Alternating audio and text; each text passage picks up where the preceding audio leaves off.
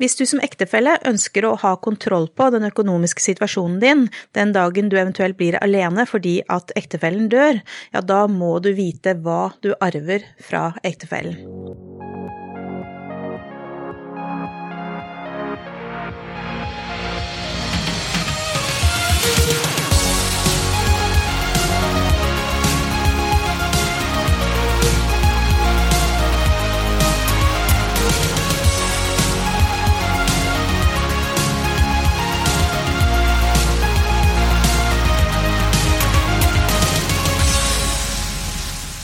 Velkommen til eh, Tennenkast, en eh, podkast som tar for seg ulike temaer innenfor eh, familie og arverett.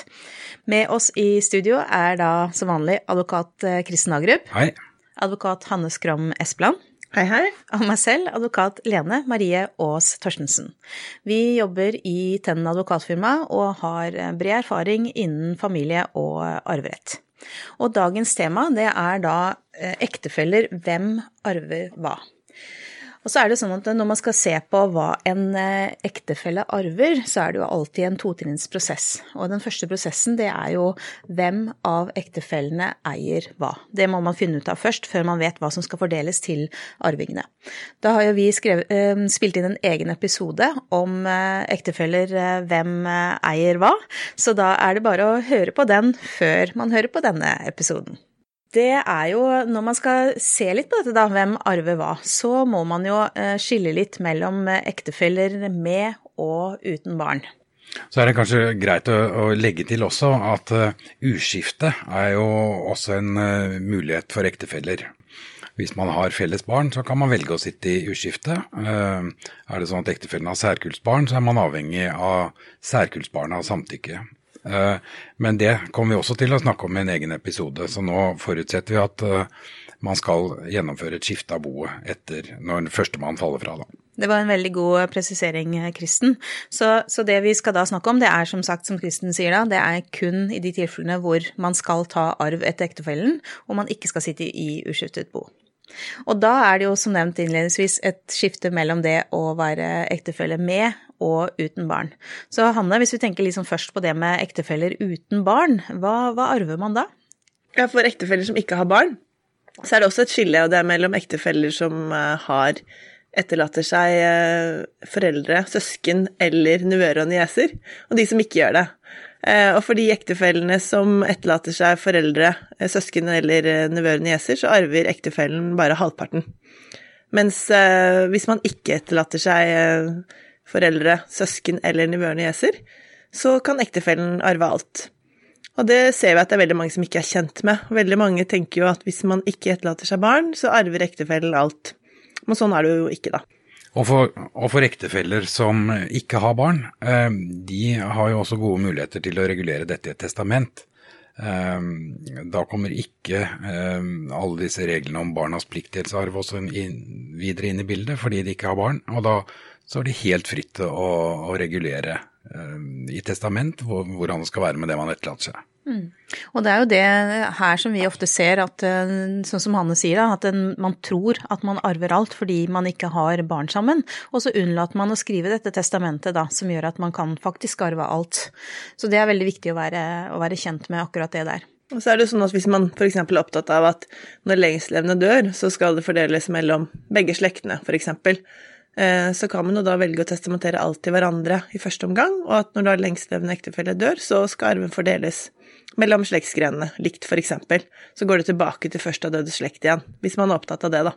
Hvis vi tenker eh, ektefeller som arver hverandre, eh, og ikke da har skrevet dette testamentet, så har jo ektefeller uten barn også krav på en minstearv.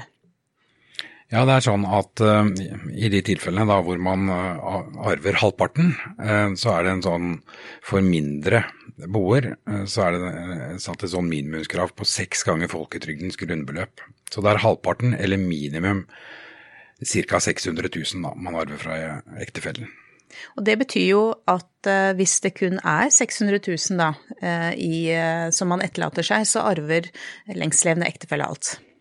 Vi har jo nå snakket om eh, arv til eh, ektefeller som ikke har barn, både etter arvelovsregler og testament.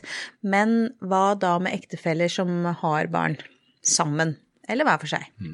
Da er det, følger det av arveloven at da arver ektefellen en fjerdedel. Eller minimum fire ganger folketrygdens grunnbeløp. Det er jo en veldig grei regel, men også her Prøvde du nå å regne på hva fire ganger grunnbeløpet var? Sånn som vi nevnte da i forhold til mistearven til ektefeller uten barn, så betyr jo det at ektefeller som har barn, og det kun er sånn ca. 400 000 igjen, eller i boet, så vil da lengstlevende ektefelle arve alt, og barna vil ikke arve noen ting. Det er riktig. Ektefellearven går foran. Ja. Mm. Og så er det sånn muligheten til å tilgodese ektefellen i testament, er jo veldig mange opptatt av. Og da er det jo sånn at de som etterlater seg barn, de kan jo ikke da testamentere alt til ektefellen sin, sånn som de som ikke har barn, kan gjøre. Og bakgrunnen for det er jo, som Kristen var inne på, det er jo reglene om pliktdelsarv. For som vi har vært inne på tidligere i tidligere episoder, så har jo barna krav på to tredjedeler av det hver av foreldrene etterlater seg. Og det betyr jo at det er en tredjedel igjen, da. og det betyr at man kan øke den en fjerdedelen til en tredjedel til ektefellen sin, om man ønsker det. Og da er det viktig å presisere at når vi snakker om med barn, så trenger ikke det være felles barn, men det er jo da arvelaters barn, da. Om arvelater har barn. Mm. Og så er det veldig forskjellig avhengig av om man har stor formue eller liten formue, hva som ligger i disse pliktdelsreglene. For pliktdelsarven er jo begrensa oppad til én million per barn. Så har man en, en stor formue, så kan man betale ut barna hver sin million, og resten kan testamenteres til ektefellen. Mm. Og så er det jo sånn nå at nå har vi jo fått vedtatt en ny arvelov hvor pliktdelsarven vil endre seg litt. Per i dag så er det som vi nevner én million per barn, men etter den nye arveloven så vil det endres til 15G. Og 15G er jo sånn ca. 1,5 million per i dag. Men det vil jo da endre seg ettersom folketrygdens grunnbeløp endrer seg. Og det er veldig greit å være kjent med. Og det var jo også en sånn endring som var litt sånn spennende helt på tampen før loven ble vedtatt, for det lå jo an til å være 25 G per barn maksimalt, som ville være omtrent 2,5 millioner, da. Det ville være en stor endring fra dagens million. Mm. Eh, så ble det, ble det 1,5 million cirka da, per dag. Så da det ektefeller med barn, enten da fellesbarn eller særkullsbarn, må være klar over da, er jo det at det den lengstlevende ektefelle arver, det er jo da begrenset i forhold til barnas krav på arv. Men det er klart at her har man jo muligheten til å legge til rette på mange mulige måter i forhold til både en formuesforskyvning mellom ektefeller, og samtidig også det å, å kunne testamentere til hverandre da, for å oppnå kanskje det målet å sikre lengstlevende. Og da er det egentlig viktig at man er at ektefeller som da tenker at vi ønsker å sikre hverandre best mulig, at man setter seg ned og tenker på har jeg muligheten til å sitte i uskiftet bo eller ikke, og er det en god løsning for meg? Eh, og hvis ikke det er det, eller man ikke ønsker det, så må man se på hva, hvordan er vår stilling etter loven egentlig, og, og kan vi gjøre noe med den, da? Mm. Og da er det jo testament man må benytte hvis man ønsker en annen løsning enn loven, og kanskje også i kombinasjon med en ektepakt. Ja, for vi var inne på i forrige episode om, om ektefeller, hvem eier hva, eh, så er det jo en del man kan gjøre i ektepakt også, for å styrke hverandre eh, ved et dødsfall. Så det er viktig å tenke på å gjøre den vurderingen.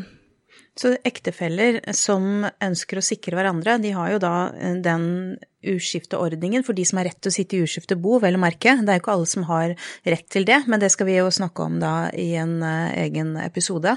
Men man har da mulighet til å sitte i uskifte, eventuelt at man benytter da den muligheten til å testamentere til hverandre en større arv enn det man har krav på etter loven.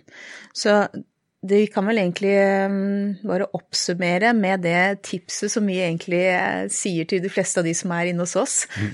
Ja, Det er vel at alle må gjøre den øvelsen og, og finne ut hvordan ser verden ut hvis ektefellen faller fra.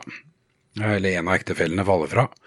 Og, og hvis man tenker at da har man en vanskelig situasjon, kanskje man ikke har råd til å sitte i fellesboligen f.eks., så øh, bør man se på om man har muligheter for å regulere dette i form av ektepakt og testament.